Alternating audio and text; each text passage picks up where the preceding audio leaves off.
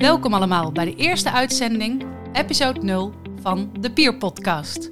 Mijn naam is Suzanne Bindels en ik interview vandaag mijn tweelingzus Alice Bindels. Samen doen wij de podcastserie Twinterview en Alice is nu gestart met deze Peer Podcast. Dat is een nieuwe serie bedoeld voor al haar oud-collega's in de zorg. Zelf heeft Alice tien jaar gewerkt als arts en ze is onlangs haar coach- en trainingspraktijk gestart, die heet Vanuit Bewustzijn in Beweging. Daarmee begeleidt ze ook zorgprofessionals. Op dit moment, lente 2020, zitten we midden in de coronacrisis en peer support lijkt relevanter dan ooit. Vertel. Ja, peer support, gaat over mentale ondersteuning van zorgprofessionals. Uh, hoe zorg je voor jezelf in tijden dat je ook voor anderen zorgt? En ja, terwijl ons werk gewoon hoe dan ook door de aard van het werk als arts en verpleegkundige behoorlijk impactvol kan zijn. En hoe blijf je dan goed voor jezelf zorgen? En in deze tijden van corona is dat helemaal een uitdaging, omdat het unieke van de situatie nu is dat zorgprofessionals zelf ook nog eens een kans hebben om besmet te worden, om hun eigen privé mensen te besmetten en een extra verantwoordelijkheid hebben om de mensen, hun eigen patiënten ook weer niet te besmetten.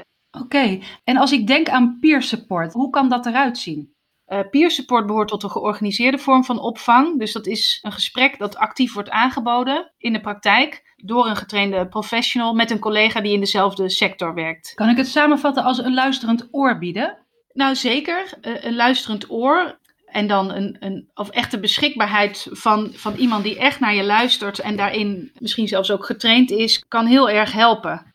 Een van de voorbeelden is jouw eigen partner. Ze werkt als huisarts. Hoe zit het voor deze zorgprofessionals? Ja, ik merk dat ik hoor dat het in de ziekenhuizen uh, op veel plekken goed geregeld is.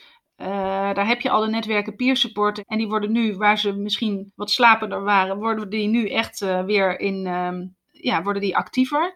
Maar voor de eerste lijn en bijvoorbeeld ook instellingen in de ouderenzorg en de verstandelijk gehandicaptenzorg, maar ook een deel van de GGZ en in de revalidatie, daar is de weg naar peer support vaak onduidelijker en soms ook helemaal niet georganiseerd. Terwijl zij nu juist ook behoorlijk veel exposure hebben aan de coronaproblematiek. En bijvoorbeeld hun patiëntenpopulatie is uh, vaak minder goed te instrueren. Oké, okay. en um, wat maakte dat jij dacht: ik ga deze podcast voor peers starten?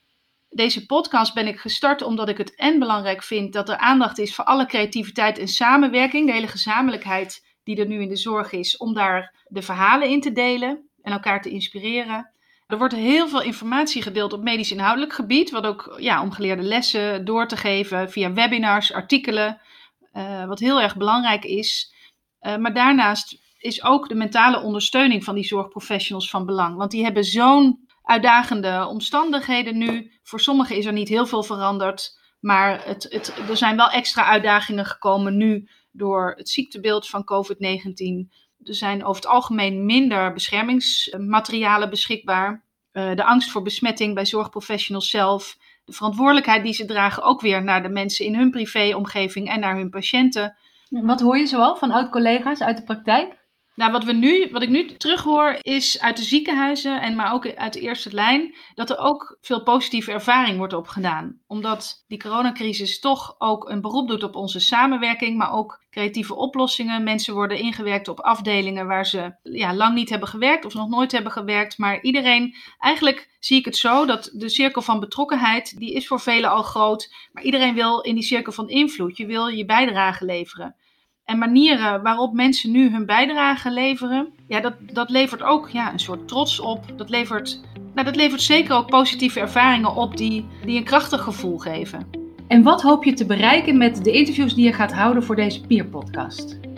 Ik vind het belangrijk dat allereerst dat er diverse professionals zelf aan het woord komen, verpleegkundigen, artsen, POH, GGZ. Dat aan de ene kant dus die creativiteit en saamhorigheid eh, gedeeld wordt om elkaar ook te inspireren. En aan de andere kant ook gedeeld wordt van, hé, hey, hoe gaat het nu met jou en uh, hoe organiseren jullie het met elkaar?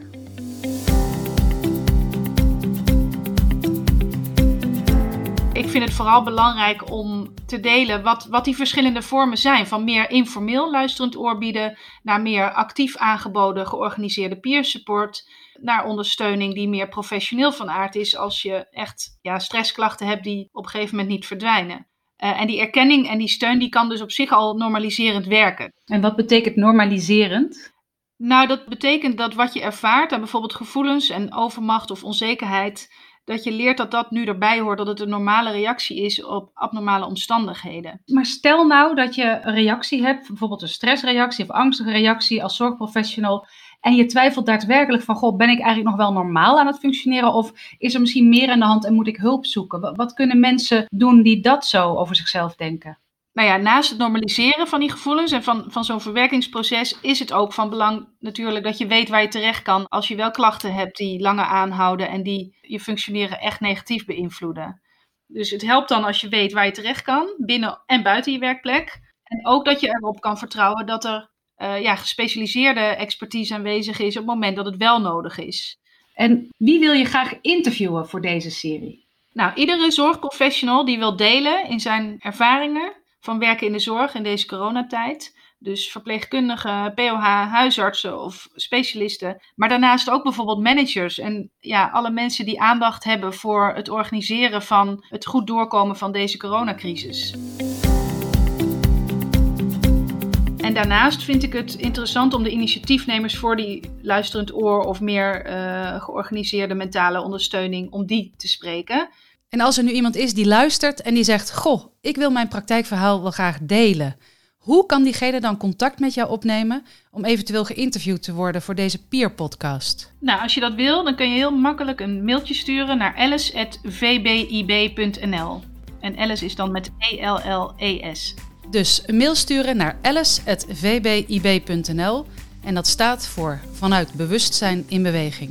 Misschien nog even leuk om te noemen dat de slogan van jouw bedrijf is: vanuit betrokkenheid bijdragen aan zinvolle zorg. En uh, nou ja, het klinkt alsof deze podcast bij gaat dragen aan die zinvolle zorg. Dat hoop ik.